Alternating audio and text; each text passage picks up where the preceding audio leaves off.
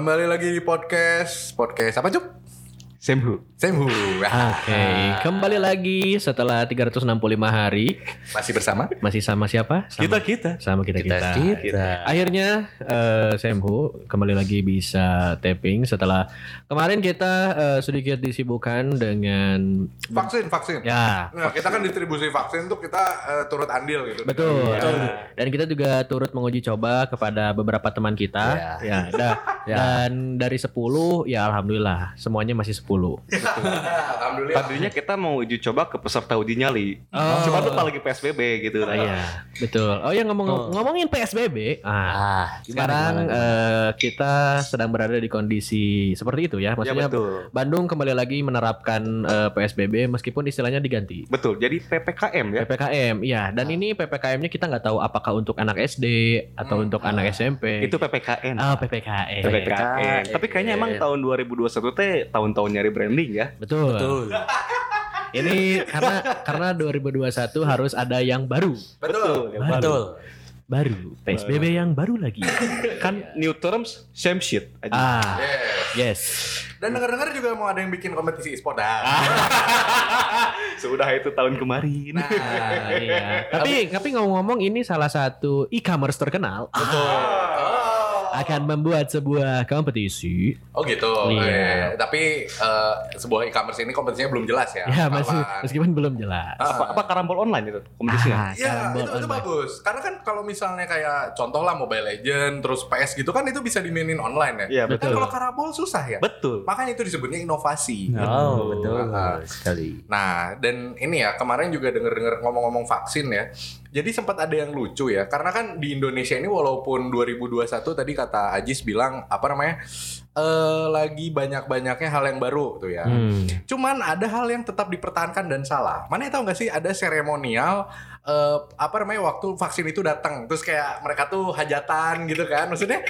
Hey, aing wisuda aja mau online nih cuy. Kenapa itu harus ada offnya, adanya offline gitu? Betul, karena kan Indonesia itu adalah negara yang penuh dengan perayaan. Ah, ya, Apa pun ya, itu ya. momennya harus dirayakan, Betul. gitu kan. Ma- termasuk salah satunya adalah ketika vaksin mau disebarkan. Betul. Jadi memang vaksin itu waktu pendistribusiannya itu dimeriahkan layaknya Tour de France gitu. Iya, betul. Hmm. Dan seharusnya kan kalau misalkan eh, ngomongin masalah eh, mengawal-mengawali ya gitu ya, Hmm. kan ada yang namanya batu pertama. Nah harusnya kemarin itu ketika itu ada vaksin pertama. Ah, gitu. Vaksin pertama. Tapi kalau nggak salah kemarin apa hari ini ya itu baru dicoblos kan. Eh, presiden kita itu menco dicoblos oleh eh, vaksin. Ya, Tumben kan? ya. Yes, biasanya mencoblos untuk dia gitu kan ya. Ah, iya, iya. Sekarang itu eh, dia yang dicoblos gitu. Betul. Nah, It- Dan yang lucunya itu yang nyoblosnya itu eh, tremor kayaknya tangannya ya. Karena Iya. dia gitu. Paling mulanya. Ah, Iya, iya mun aing salah aing nu maot ya. Ada cup tap. berem berem. Nah, tapi ya ngomongin soal ini kemarin kan jadi waktu 2020 tuh kan kita banyaknya di rumah ya. Betul. Banyaknya di rumah dan timbullah anim-anim eh sorry, apa ya namanya? wibu-wibu baru gitu ya. Orang-orang yang eh, nge apa namanya ngeberesin anim gitu Hmm. orang-orang yang awalnya wah oligarki oligarki tiba-tiba wah si Oli kiri, oli kiri. oleh kiri, oleh kiri. oli samping Oli samping. Iya, maksudnya langsung tiba-tiba eh, Sasageo gitu ya. Ah. Anaknya tuh langsung ke, loh kok kamu perasaan dulu ngehina wibu gitu. Kok Ah. sekarang tiba-tiba, ih rame banget ya Eren keren. Nah, Ah. pokoknya Betul. mulailah gitu keluar-keluar. Ya karena memang begini Pak, Eh, 2021 itu kan menjadi tajuk awal rebranding dan tajuk awalnya inspirasi gitu. Betul, betul banget. Dan ngomong-ngomong soal inspirasi nih ya, kan eh, kita juga eh, banyak ya meme-meme yang beredar kalau misalnya seperti di Attack on Titan gitu. Kalau Hmm. misalnya ditojo sama vaksin ternyata jadi Titan, jadi raksasa gitu. Hmm. Atau misalnya gini, awal-awal wah, ini tuh awal mula Titan gitu ya, awal mula vaksin itu bisa jadi eh, jadi apa namanya kalau di Raccoon City tuh ada, Oh, ada zombie umbrella. gitu. Zombie, Ah, iya. langsung ada yang Wah, jadi orang juga baru tahu. Oh iya ya, makanya. Ah, makanya pertama kalinya apa ya? Pertama kalinya zombie itu ada kan biasanya di rumah sakit tuh. Iya. Ya. Nah, mungkin inilah saatnya gitu. Jadi titan. Di istana. Tapi eta Jadi istana tapi Evil. Eta Eta nyambung pisan sama cerita Resident Evil sih ya. Karena Hmm. Resident Evil yang awal-awal itu tuh ada di istana, Oh. di mansion gitu. Iya betul, itu dimension cerita Dan awal. ternyata si laboratorium vaksinnya teh ada di bawah si mansion itu. Iya. Jangan-jangan. Nah, jangan-jangan gitu. Tapi jangan sampai. Ya, jangan sampai ya. Jangan sampai karena biasanya yang kena vaksin pertama itu yang jadi bos terakhir cup. Nemesis eh gitu-gitu kan. Bo- Bos-bos yang susah tuh yang divaksinnya pertama gitu. Ah, aku mau ngeluarin jokes tapi takut ditembak. Gak jadi. Tata Nemesis Terlalu berbahaya. Nemesis teh kalau di istilah Resident Evil teh apa istilah raja di Ya, Resident bos, bos. Ya, istilah bos di Resident Evil itu Ya. namanya Tyrant. Ya itu Nah, ada. iya, iya. Jenisnya Tyrant. Yang ngejar-ngejar gitu kan, Mm-mm. yang dikejar-kejar gitu kan, Tyrant itu namanya. Itu zaman Leon, zaman siapa? Oh, itu Ah. udah ada dari zaman ini, Chris. Dari Chris yang- Redfield sama Jill Valentine Ya. waktu di mansion itu. Dari yang pertama itu. Dari Oh, yang dari pertama yang udah ada itu. Udah ada Tyrant. Eh, BTW kamu diem aja, kamu main Resident Evil nggak toh? Enggak, aku main enggak, enggak main apa-apa. Mana yang zombie gitu, game zombie apa? Plant versus zombie? Enggak. Nah, itu salah satunya pernah. Itu, itu seru ya. Itu Ya. ada kentang didiemin di depan gitu. Betul. Ada tanaman.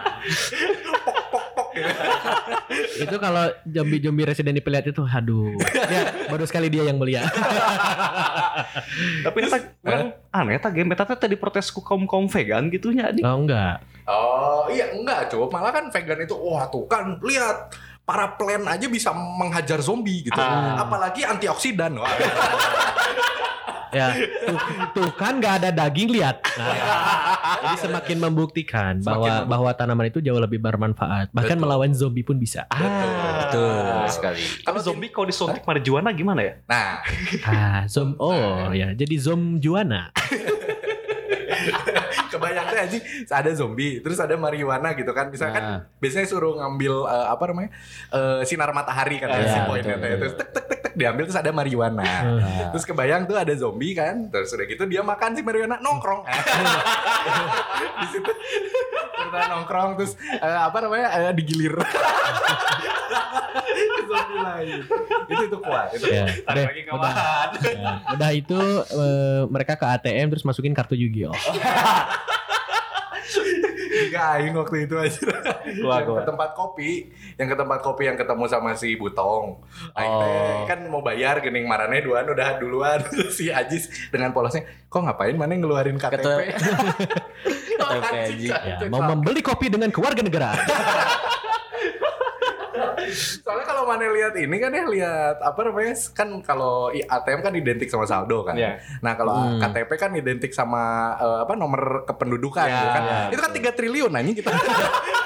Siapa tahu ngambilnya dari situ kan. Saldonya banyak pisan Betul, ya. betul. Saldonya banyak pisan. Nah. Aing hayang tapi mun kartu ATM bikin tuku KTP dah. Hmm, Jelas cuy. enak pisan. Sok we sa Fortuner lah bae. Ngomongin Fortuner, Ah, apa Apa tuh? apa apa. ini kan eh, Fortuner itu kan salah satu mobil mewah, Iya. mobil yang mahal. Hmm. Nah, mahal itu berhubungan dengan harta, uang, kesuksesan. Ah, Nah, orang-orang sukses itu pasti punya inspirasi kenapa dia bisa sukses. ah benar benar benar. benar. Ah, ya ya ya ya. Jadi kali ini eh, tadi kan juga udah sempat dibilang ya, kita bakal Iya, iya. ngomongin masalah inspirasi. Betul. Nah. inspirasi. Misalkan eh, apa ya, gelas ini aja. Di depan kita ini ada gelas ya, buat konco-konco kalau yang konco-konco bisa lihat. Hmm. Ini gelas ini tuh terinspirasi dari salah satu brand minuman bersoda. Oh ya tahu lah ya. Ya. Ale-ale ya. Ini apa ya? Hmm. Cola-cola ya? Ya, Cola-cola ya. kola-kola. Kulu-kulu. ya.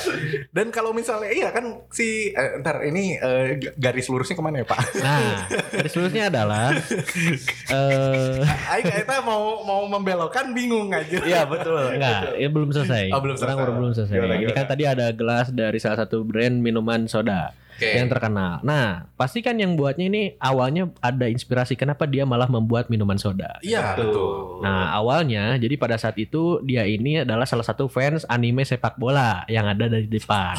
Ah, Gitu. Oke. Ya. Terus terus dia tuh terus. nonton film nonton film anime itu sebut saja Subasa. Oh, iya. Oke. Nah, ada satu karakter namanya Soda. Oh. Nah ya. dari situlah awal mula dia kan pada saat itu nggak sengaja nyampurin oli sama air putih.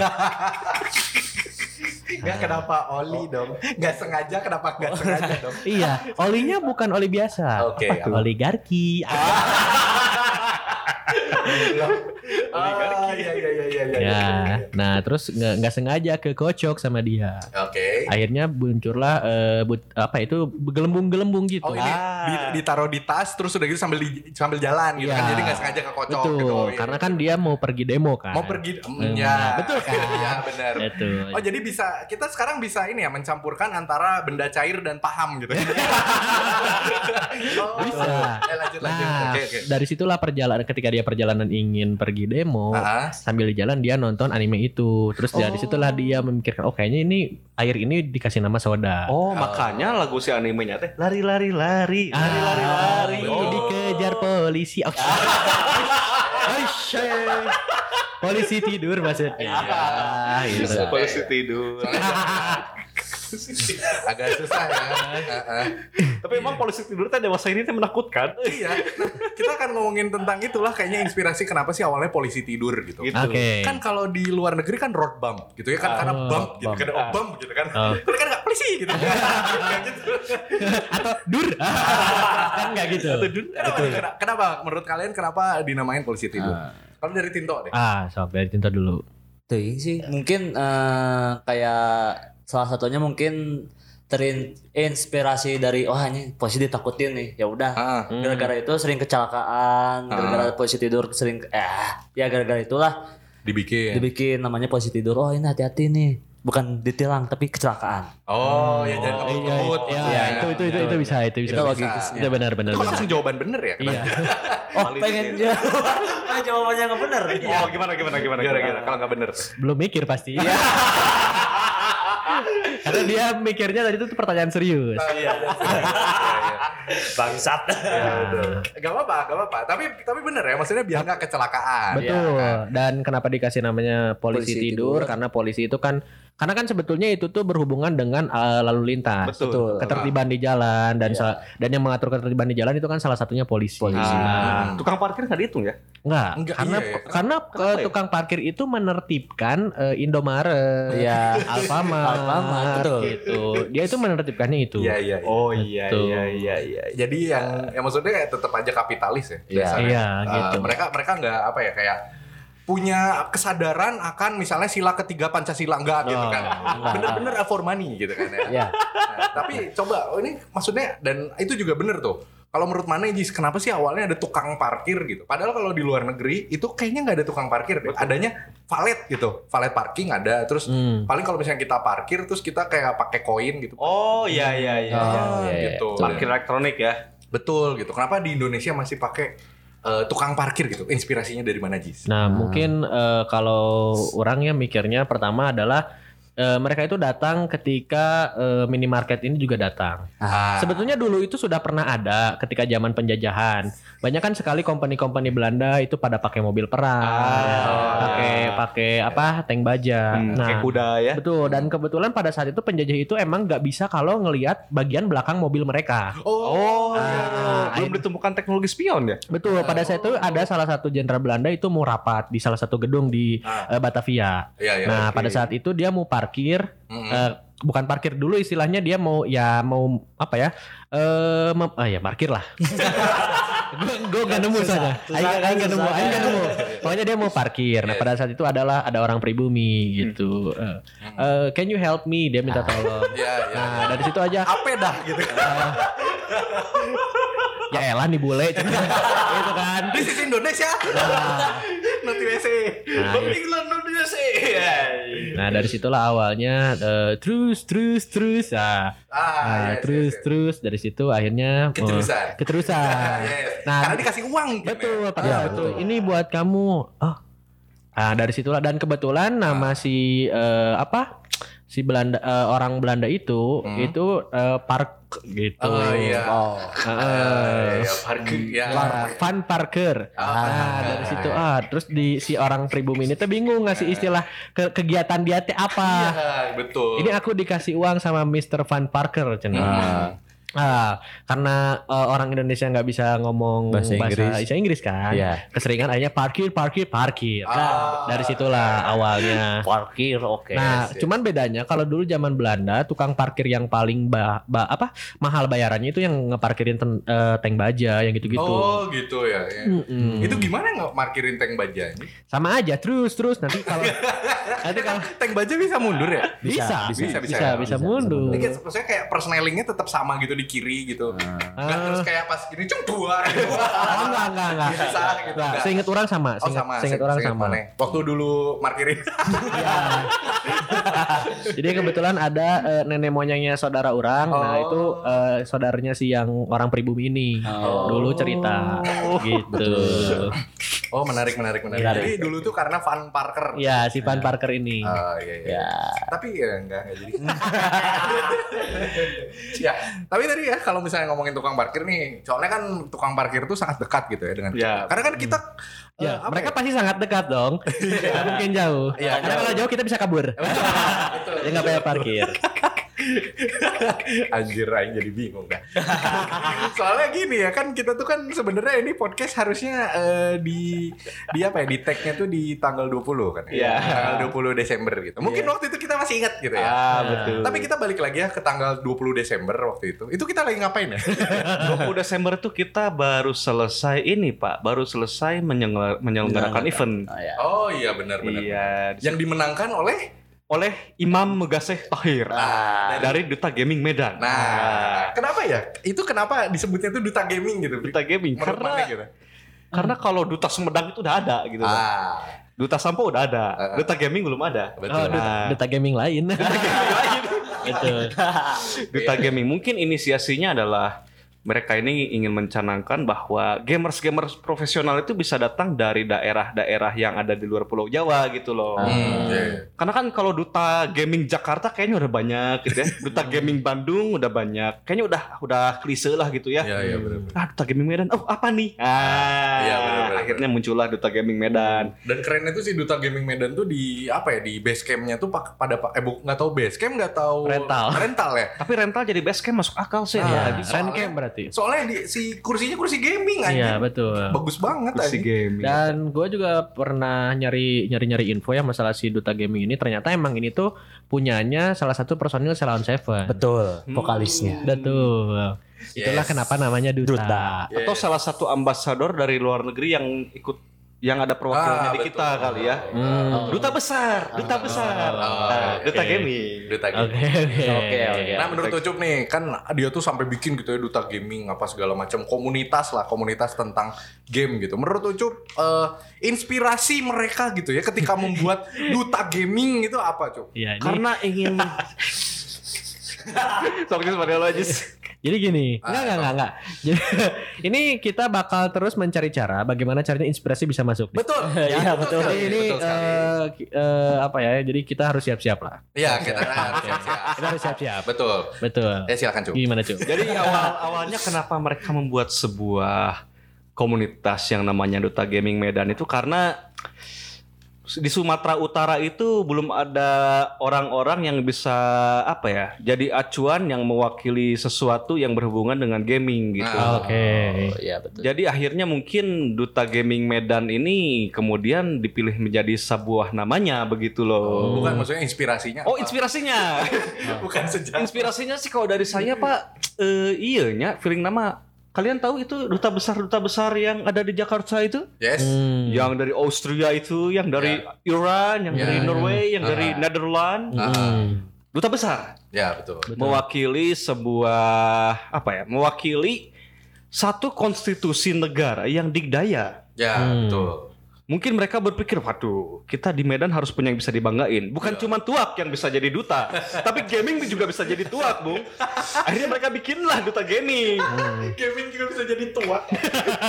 Kumacaraan Kan kalau Medan jadi duta tuak sudah sering sekali begitu loh. iya, duta betul. tuak, duta misalkan apa Yang terkenal dari Medan apa? Coba sebut BK Ambon, BK Ambon. BK Ambon. Padahal ngambil namanya Ambon gitu loh. Iya, kan betul. gak aneh. kan gak aneh gitu. Ah, Padahal, padahal- padahal kan mereka di Medan gitu loh. Iya, Hmm. ya makanya lah dibuat Duta Gaming Medan. Duta Gaming Medan. Duta Tuak udah ada, Duta Supir Angkot udah ada Iya. gitu kan. Nah, benar. Duta pengacara sudah ada, Betul. duta pengusaha sudah ada, Benar. gitu kan. Duta gaming belum ada. Nah, dari situ ya. betul betul. Dan tadi Inspirasi. juga ini sih Cup ngomongin soal apa ya duta tuak dan duta pengacara gitu ya. Tadi kan sempet eh, apa ya nonton gitu ya si stand up dari Pak Pak lagi Valentino. Oh, Bung Bung Jebret, itu ya. ya. Hmm. Jadi Bung Jebret itu sebelumnya tuh lawyer pak, mana tahu nggak? Jadi sebelum dia komentator itu dia tuh lawyer gitu Ah. ternyata. Hmm, oh, awalnya dia lawyer. Awalnya lawyer Cuma dia nah, mm. Terus udah gitu diambil sama siapa gitu karena Oh, ini sering sama ngomong. MC? Iya, karena sering ngomong jadi di perusahaan itu jadi MC awalnya. Hmm. Bagus, akhirnya diorbitin, diorbitin, akhirnya sekarang jadi orang Planet. Enggak ya? Ah, gimana jadi orang planet? Enggak dari planet. Karena ini kan orbitin, orbitin, orbitin, planet. Wah lucu, lucu kamu. Wah, jokes, pisan. lupakan. Ini jokesnya jokes antariksa. Jadi aku eh, mungkin ini akan cocok dengan orang-orang Margahayu. Oh iya, yang tinggal di Jalan Saturnus, Betul. Jalan Neptunus. Iya. Karena kan Tito berawa- berasal dari daerah sana juga kan. Eh, Jangan-jangan foundernya Margahayu itu Galileo Galilei ya? Atau Isaac Newton gitu ya? Bisa jadi. atau Isak sukses. ya, Oh, di FIFA ya. Sukses. main Watford. Nah, tapi yang eh, apa ya yang bahaya gitu kalau misalkan si Valentino ini kan dulunya orang law- eh, ro- lawyer lah pengacara. Iya, lawyer. Nah, kadang sedangkan sekarang kan si Eta udah jadi komentator. Hmm. Nah, tapi ketika misalkan ada job, dia ditawarin jadi pengacara lagi. Takutnya kebiasaan pas masih jadi komentator itu terbawa. Eh, ya benar benar. benar. Jadi gimana keterangan eh, pengacara? Jadi gini ya, oh tendangan. Kalau enggak gini Jis, bisa jadi si Bung Jebret. Cantik sekali. Banyak sekali. itu. Iya. Jadi ini sebenarnya adalah kasus yang cantik sekali, manja Manja sekali. Nah, dan terlihat Langsung duduk duduk ya. Gimana Cuk? Gimana Cuk? Kalau nggak bisa jadi, jadi kira ceritanya teh, Pak. Skenario nya misalkan Hotman Paris itu sedang ada di satu persidangan yang besar gitu. Hmm.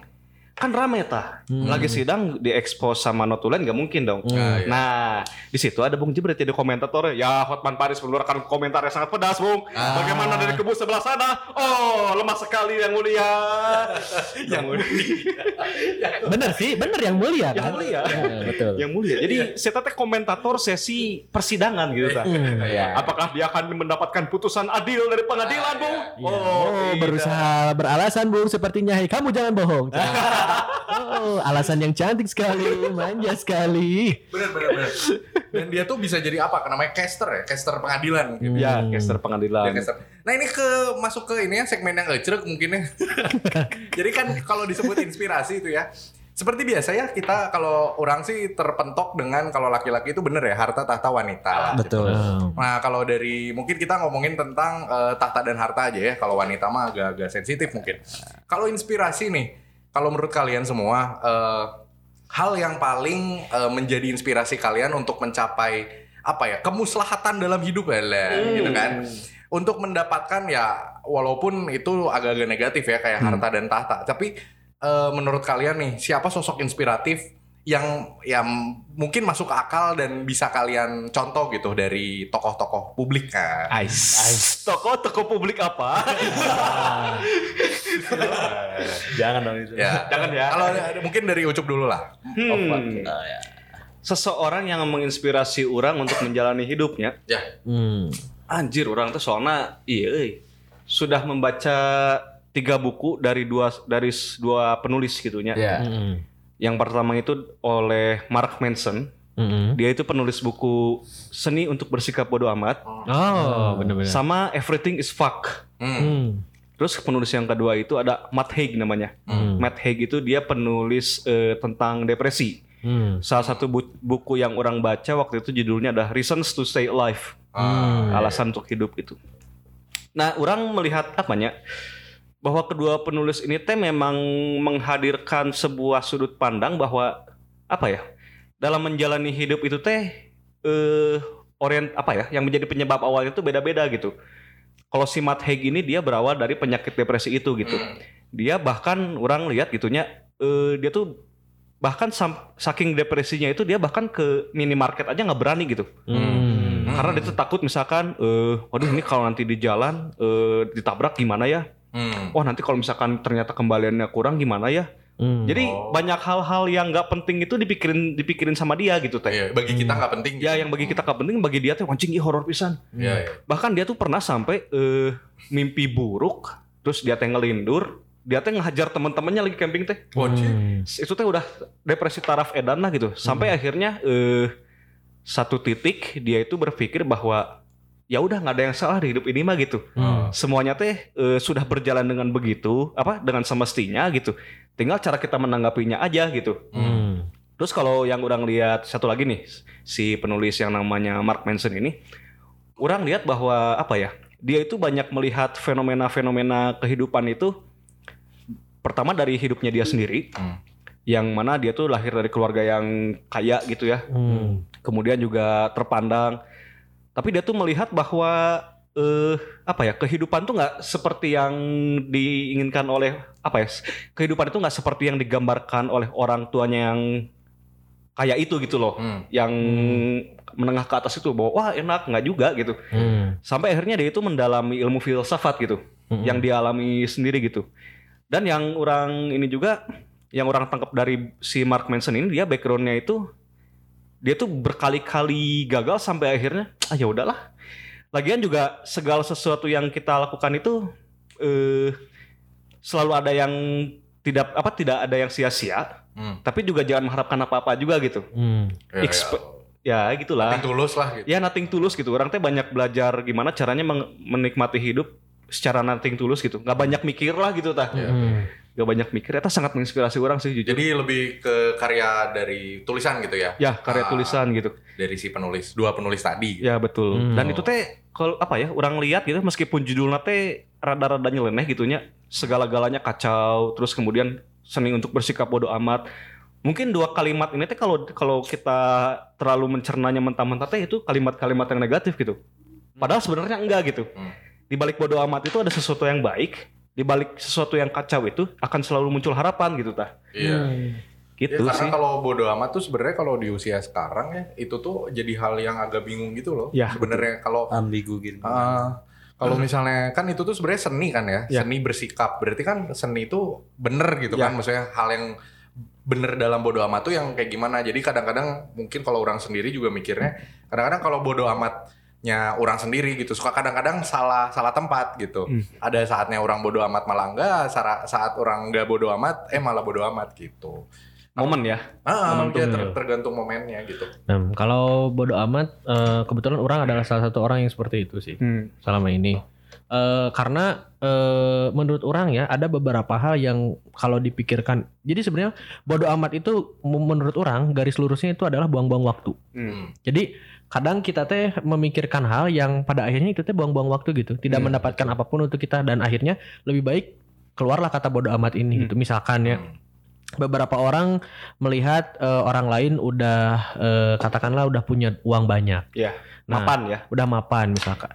Nah, terus kita tuh belum bisa seperti itu tapi hanya memikirkannya aja gitu. Waduh, ya kumahanya orang can bisa sega gitu. Nah, pada akhirnya eh, kita nggak akan dapat apa-apa gitu. Kalau cuman mau cuman mikirin doang, akhirnya kan pasti buang-buang waktu gitu. Betul. Yang harusnya eh, waktu itu bisa dikerjakan untuk mengusahakan itu. Nah, akhirnya jadi menurut orang kalau bodo amat itu kan memang dalam hal berpikir ya. Tapi balik lagi, menurut orang bodo amat itu akan menjadi negatif ketika hal yang kita bodo amatkan itu kita sudah tahu itu teh hal yang baik gitu. Iya. betul Misalkan eh, katakanlah eh, seperti hidup sehat, itu terus olahraga, itu kan sebetulnya tidak bisa kita bodo amatkan. Hmm. Karena kan itu sebenarnya udah tahu bahwa itu teh hal yang baik. Nah, sebenarnya teh bodo amat itu ketika mana udah tahu hal itu teh kalau cuman dipikirin hanya kan buang-buang waktu. Nah, dan ada satu sudut pandang menarik juga, Dax. Jadi, eh, jadi poin yang disampaikan si Mark Manson melalui bukunya yang bersikap bodoh amat itu, dia tuh menyampaikan gini, kita bodoh amat karena kita tuh sebetulnya benar-benar peduli. Ya. Orang akhirnya di, situ mendapat kesimpulan bahwa sebetulnya kita teh nggak bodoh amat, kita teh Hmm. peduli pada hal-hal yang kita memang prioritaskan gitu tah. Hmm. Jadi apa ya? Apa yang perlu kita lakukan? Lakukan aja gitu Hmm. nggak usah mikir maksudnya mungkin mikir dampak dan konsekuensinya ya Hmm. tapi dijalanin aja dulu. Nah, ya itu balik lagi Jangan bodo- aja dulu. uh, apa yang dipikirkan sebetulnya teh yang dibodoh amatkan teh sebetulnya. Karena kadang eh eta teh menghalangi kita untuk memulai sesuatu geuningan. Tah Iya. itu. Mana ada tambahan nggak toh? Mungkin kalau tentang bodoh amat ya kurang lebih kayak gitu. Sebenarnya kalau menurut orang bodoh amat gitu ya kita emang harus di satu sisi kita harus apa memikirkan juga tapi yang di satu sisi juga kita harus bodoh amat. Gimana sikon lagi baik lagi ke sikon apakah kita nerapinnya yang di bodoh amat yang mana lagi yang kata Ajis lagi gitu misalnya di yang genting emang kita udah tahu nih kita bakal ibaratnya jalannya A B C D dan oh ini, ini, ini mah gampang lah gini-gini ah udah bodo amat lah gimana nanti lah itu salah sih Iya benar-benar. Dan itu teh sebenarnya eh, apa ya? Bener-bener musuh dari bodoh amatnya kan, uh dasar sombong kan. Nah, Ya. betul Padahal mah lain gitu gitu maksud orang teh. Kita masih terlalu termakan stereotip orang bodoh amat itu teh Oh, sesuatu iya. yang jelek gitu tah. Oh. Selalu sesuatu yang jelek gitu tah. Iya benar-benar. Nah menurut mana gimana Jis kalau misalnya tentang inspirasi? Siapa yang menginspirasi mana atau apa ada something gitu? Kalau kalau inspirasi ya sebetulnya em, kalau secara tokoh gitu ya, tokoh publik yang ada di dunia nyata eh, orang melihat tokoh-tokoh yang mungkin kayak hmm, Sandiaga Uno, Hmm. terus misalkan kayak si Andi F Noya gitu kan.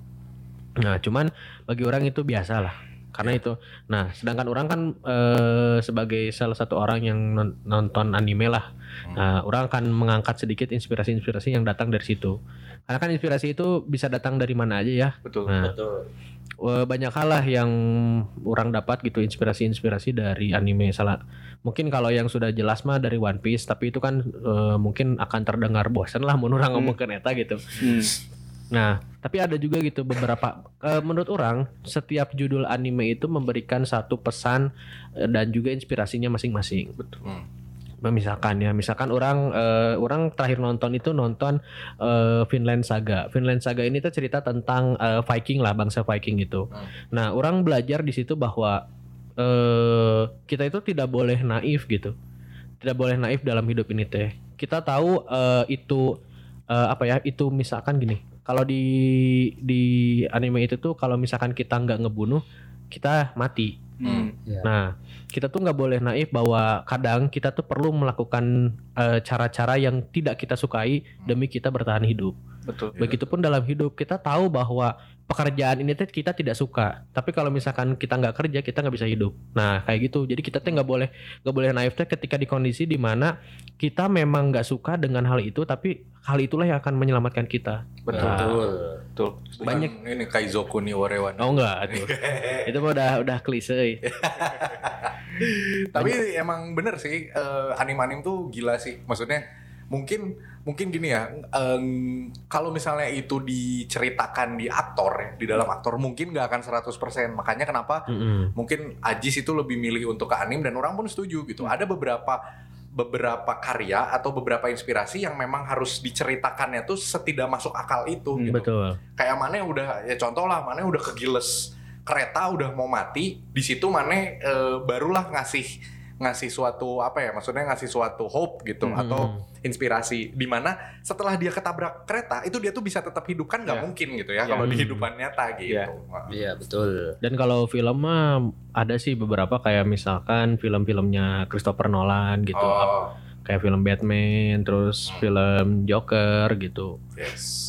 Banyak lah. Ya walaupun memang eh, itu mah jatuhnya ke gimana si karya itu ya. Nah, Iya. Kan kadang-kadang suka double apa ya? Double persepsi itu apa namanya? Ambigu. Standar ganda ya. Nah ya, maksudnya kayak ambigu gitu. Ada orang yang oh iya saya ingin depresi kan goblok gitu. kayak saya ingin menjadi jahat karena orang baik dulunya orang eh orang jahat dulunya orang baik gitu. Hmm. iya Kayak Mental korban ya. eh bukan gitu gitu kalau mana jangan sampai jadi joker gitu intinya. Nah, gitu. Kalau mana itu gimana tuh tentang inspirasi? mungkin tentang inspirasi mah orang lebih ke bukan kebanyakan yang orang lihat itu bukan ke tokohnya sih jadi kayak orang ini ngebuat apa dari setiap setiap Oke. orang pasti ada yang yang dia lebihkan itu dan Bah. orang pasti kayak mikir anjing orang bisa nggak ya ngebuat kayak gitu orang bisa nggak buat kayak gitu Misalnya misalnya. ya misalnya misalnya kayak ya jatuh jatuh jatuhnya yang baru kita nonton aja misalnya film anjir ini bagus bisa lah dari segi ibaratnya segi da- jalan ceritanya harus mikir Oh. segala macam anjing ini wah jago banget lah pengen desain gitu di satu sisi Oh. juga kan oh ini ada misalnya lagi dengar apa suatu musik atau apa "Wah, anjing ini bagus pisan lagi gitu jadi kebayang kebayang orang inspirasi itu bukan kayak sebenarnya bukan kayak toko atau Hmm. apa sih lebih apa sih yang manfaat buat maneh itu pasti orang masa orang bisa kita nggak bisa gitu Hmm, kalau misalnya mana disuruh ngasih satu contoh karya, karya apa nih misalnya? Hmm, Atau yang terbaru deh misalnya.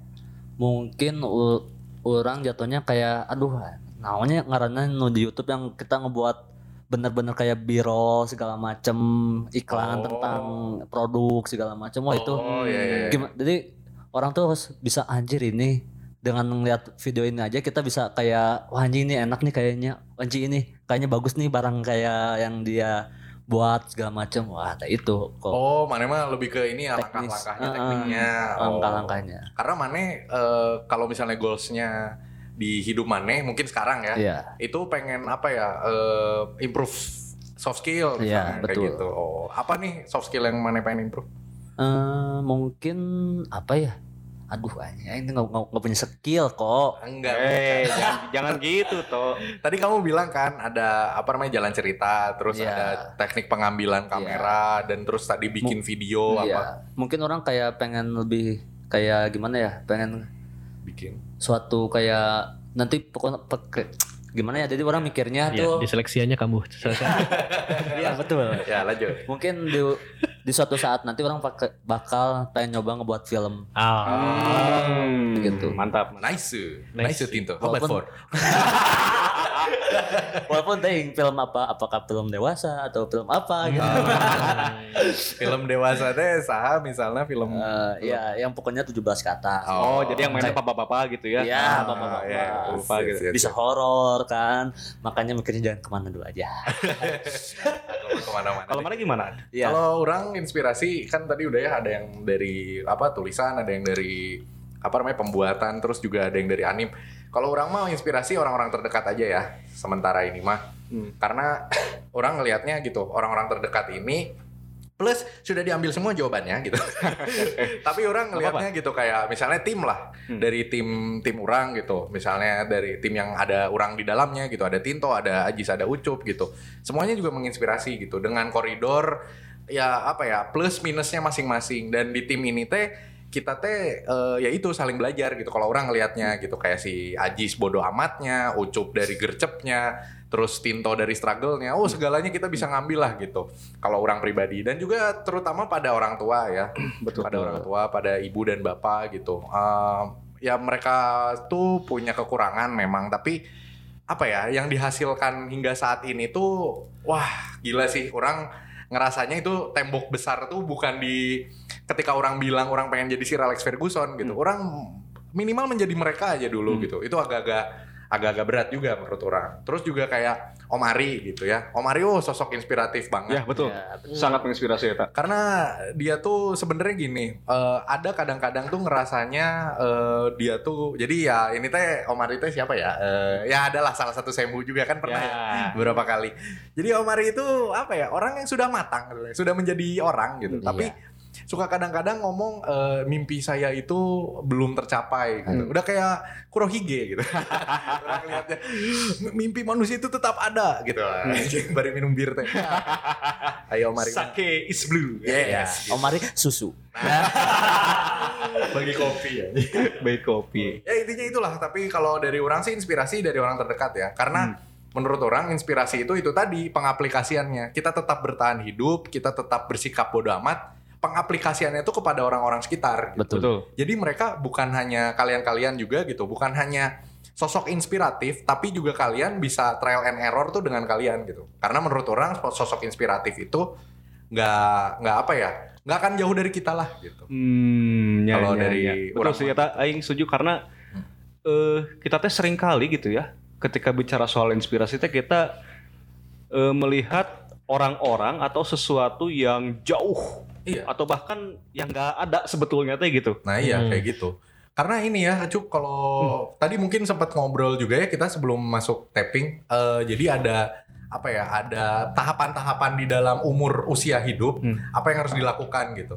Mungkin nanti di di 40-an ya kita mungkin udah pisah semua udah ada jalannya masing-masing. Itu kita sosoknya cari lagi yang lain gitu. Hmm. Karena kita udah nggak bisa kerja bareng dia dan ngambil sesuatu di hidupnya dia gitu. Ngerti nggak Betul betul. Nah, kan kalau ini bisa sa- masih sambil sambil nyari gitu dan segala macam gitu. Dan bahkan ini juga sih orang pernah dengarnya dari indung orang itu ting timang orang gitu ya. Jadi eh, kalau kita bicara konteks eh, usia dari sudut pandang agama Islam ya, Hmm. di situ teh dikatakan bahwa ada doa khusus eh, yang bisa kita apa ya bisa kita Baca. baca ketika kita teh usia 40 Hmm. karena dari situ teh ya eh mang orang teh cerita ah mang orangnya tim mang orang ya. Jadi umur usia 40 teh di mana kondisi manusia itu itu teh kembali ke nol, Hmm. murni nol gitu. Oh, Kita tuh kembali meraba-raba siapa diri kita, Hmm. apa yang akan kita lakukan dan bagaimana kita nanti ke depannya. Oh, iya, iya. Karena umur 40 teh eh, dari sisi psikologinya juga kalau nggak salah mah itu teh rentan di mana kondisi psikologis manusia teh berada dalam posisi yang sedang kosong-kosongnya itu teh gitu. Oh. Hmm. Oh, Pat. Hmm. Hmm. So, ini mah bukan meng, apa ya? Banyak sih sebenarnya orang yang yang dari awal sudah sudah lurus gitu ya, tapi mungkin kenapa di umur 40 ke atas itu banyak yang udah udah stop segala halnya Ya. gitu kan kayak. Dan bahkan kalian sering ngerasa nggak sih ketika kalian berusaha apa ya? Anggaplah berdiskusi atau saling memberi masukan ke orang-orang yang usianya udah Hmm. di atas 40 tahun, mereka itu cenderung nggak mau menerima gitu. Ya, Betul. Ya karena mereka sendiri teh posisinya teh sedang meraba-raba gitu. Iya, iya, iya. Atau bahkan itu juga eh, ketika 40 tahun ke atas itu eh, mereka tuh udah ke mindset oh itu gini, tek, udah nggak bisa diapa-apain lagi. Mereka teh gitu. Jadi bukan keras kepala sebetulnya, sudah memang apa ya secara psikologis dan karakternya memang begitu di usia 40 tahun teh gitu. Wah, mantap sekali nih ya. Inspirasi, Inspirasi inspirasi baru. gitu kan. Insight-insight baru gitu. 40 tahun. Nah, kalau misalnya ini mah terakhir ya sebelum ditutup. Itu berapa menit? 30 40 40 menit. Ya, 30 40. Eh, 40 menit ya. 50-50. Nah ini mah eh, klise ya, tapi dimulai dari Tinto eh, seperti biasa. Eh, kalau Tinto nih, atau Ajis dulu deh, Ajis dulu deh. Pertama, eh, menurut kalian semua nih ya, eh, quotes yang menginspirasi itu eh, kayak gimana bunyinya? Ada nggak? Ada nggak quotes inspirasi? Coach apa coach? Eh, Quotes, eh, quotes, quotes, quotes yang nge-quote. karena karena nggak tahu ya, orang tuh kemarin tuh abis abis naik motor kan sama Iya. si bareng sama si Egi ada teman orang. Iya. Jadi kita tuh ngomong ya soal prinsip. Orang teh ngomong kia sebenarnya prinsip teh naon sih cik orang teh. Orang masuk nyangsiin jelema anu misalnya nya. Jika jelema nu ngomong kia orang mah orang nanya tuh bisa lamun misalnya ya ngedengerin lagu eh, yang gak sesuai sama eh, apa namanya misalnya contoh lah aing nggak bisa orangnya teh ngedeng eh, berteman dengan orang yang nggak nggak seselera musik Hmm, misalnya Oke. gitu. Oh. Nah, orang nyangsiin saat-saat ini karena apa? Orang ngerasanya gini, kalau misalnya memang dia ngomong kayak gitu, berarti dia harus bertanggung jawab. Betul. Hmm. Nanti kelak kalau misalnya dia temenan sama orang yang seselera musiknya sama gimana gitu. Iya. Hmm. Jadi prinsipnya naon gitu. Nah, dari situlah keluar quotes quotes quotes quotes gitu. Nah, kalau bisa ada yang punya quotes gitu. Mana mana punya nggak? Mana punya nggak Jis? Ini eh, mungkin yang akhir-akhir ini lagi orang berusaha terus ingatkan ke diri orang gitu. Jadi eh, orang pernah dapat quotes gitu dari orang lupa dari entah itu dari anime atau dari film.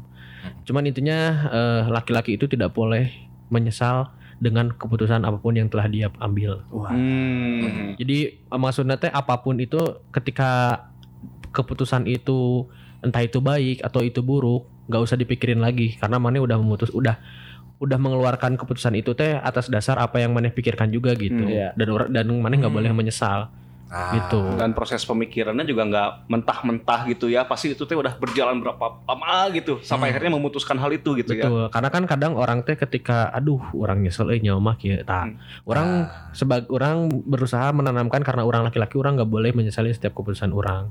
Yes, Gitu. that's right. Betul. Bagus Jis.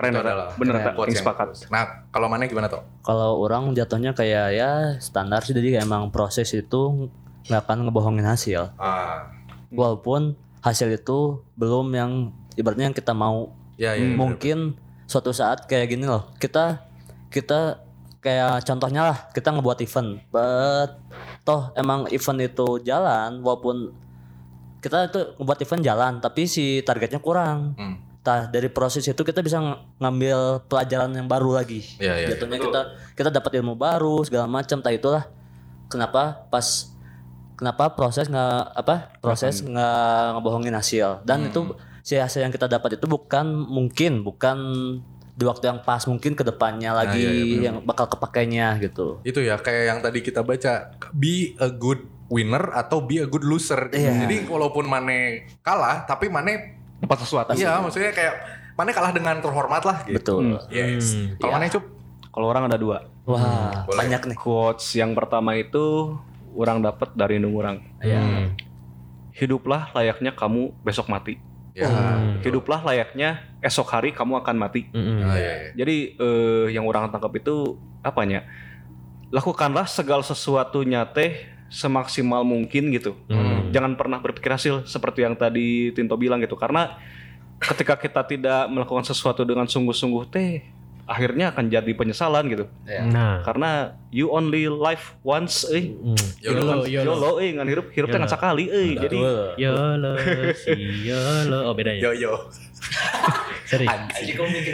Ta- dan dan itu teh quotesnya dari Indung Maneh gitu. Ya. Makanya nerep ya. Iya, benar. dan Terus yang sat- kedua. hmm. dan quote satu lagi itu kalau orang nggak salah itu dari Ali bin Abi Thalib. Hmm. Jadi quotesnya tuh gini. Ka, apa? Aku tidak sebaik yang kau kira. Hmm. Tapi aku juga Aku tidak seburuk tapi aku juga tidak seburuk yang kau pikirkan. pikirkan. Ya. Ah. Jadi manusia teh Oke. memang nggak ada yang bagus-bagus amat, gak ada yang Iya. jelek-jelek amat gitu. Betul. Nggak sempurna lah manusia teh gitu. Iya. Betul. kayak kemarin lah ngobrol orang sama temen jadi dia tuh ngomongin soal eh, pasangannya ya Hmm. soal pasangannya aku tuh egois dia ngomong kayak gitu Hmm. terus orang ngomong gini sebenarnya di sebuah hubungan egois itu dinamis Hmm. bisa kamu bisa kadang pacar kamu bisa nanti balik lagi ke kamu Hmm. nggak ada aku tuh orangnya pembohong dinamis pembohong juga bisa kamu bisa pacar kamu jadi segalanya itu dinamis gitu dan Betul. dan itu dia gitu maksudnya kayak Maneh bisa buruk, Hmm. tapi emang besok buruk lagi kan enggak? Iya. Kayak gitu, kayak gitu ya. Betul. Ah, benar-benar. Gitu. Dan kalau orang ya terakhir sih, kalau orang kan dulu orang sering banget ya denger uh, quotes go big or go home. Hmm. Orang tuh nggak tahu sebenarnya pengaplikasiannya. Nah, sih go big or go home, go big or go home. Hmm. Maksudnya tuh high risk, uh, high return kan. Hmm. Kalau Maneh kalah, oh berarti itu penjudian dan penjudian tuh nggak bagus. Tapi orang waktu itu ingat ada satu quotes ya. Sebenarnya bukan quotes, ini tuh tim talk waktu uh, MU tuh lagi lawan Munchen di final 99 Oh iya. Hmm. final Liga Champion. Jadi Ferguson tuh ngomong gini, kalian itu main harus semaksimal mungkin. Kalian nggak mau kan? eh, k- apa namanya? Kamu kalian nggak mau kan pulang hanya hanya berjarak 3 inci dari trofi Hmm. kayak gitu. Dia ngomong kayak gitu. Hmm. Kalian harus maksimal karena kalian nggak mau kan berjarak 3 inci dari trofi. Nah, maksud dari 3 inci itu adalah kalau misalnya Maneh kalah, itu Maneh bedanya kecil banget sama Maneh menang gitu. Iya. Hmm. Piraku embung anjing saltik deh bro gitu. Hmm. Nah, maksud orang sih gitu. Jadi kayak kalau kalau orang sih inspirasinya itu ya. Jadi ya mungkin kurang lebih samalah semuanya gitu ya. Kita harus semaksimal mungkin dari mulai proses, dari mulai eh, apa namanya tadi harga diri Iya. gitu ya mungkin dan juga yang terakhir adalah kita sebagai pria gitu ya dan semua orang pun ber- bertanggung jawab gitu. Betul. Ya kurang lebih kita harus maksimal lah gitu. Bertanggung jawab dengan pilihan yang sudah kita pilih ya, Bung ya. Betul. Iya betul sekali. Nah, eh, se- selesai juga akhirnya. Betul. Dan ya semoga konco-konco bisa mendapatkan inspirasi dari apa yang kita omongin ya. Oh iya. Meskipun di 20 menit awal pasti masih tidak dapat apa-apa.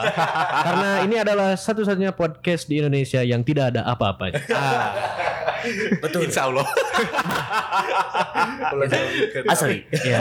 Tapi eh, seperti quotes Jumatan, Iya. ambil yang baiknya, buang yang buruknya. Ah, Bu. Ya. Hadirin dan hadirat, Betul. Oke, terima kasih kalau begitu gua Haji Setiawan pamit. Ya. ucup signatur undur diri. Ya. Saya Adrian Eko pamit undur diri. Oke dan saya Tinto Dwi pa- pamit undur diri. Ya, kita ketemu lagi di episode selanjutnya. Ya. Bye bye. Bye-bye. Apa pun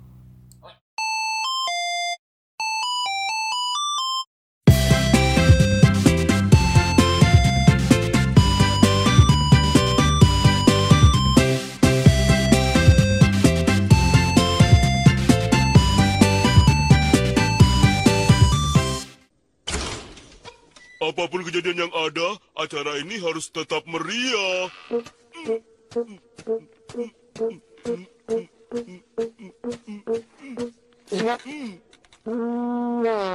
Oh,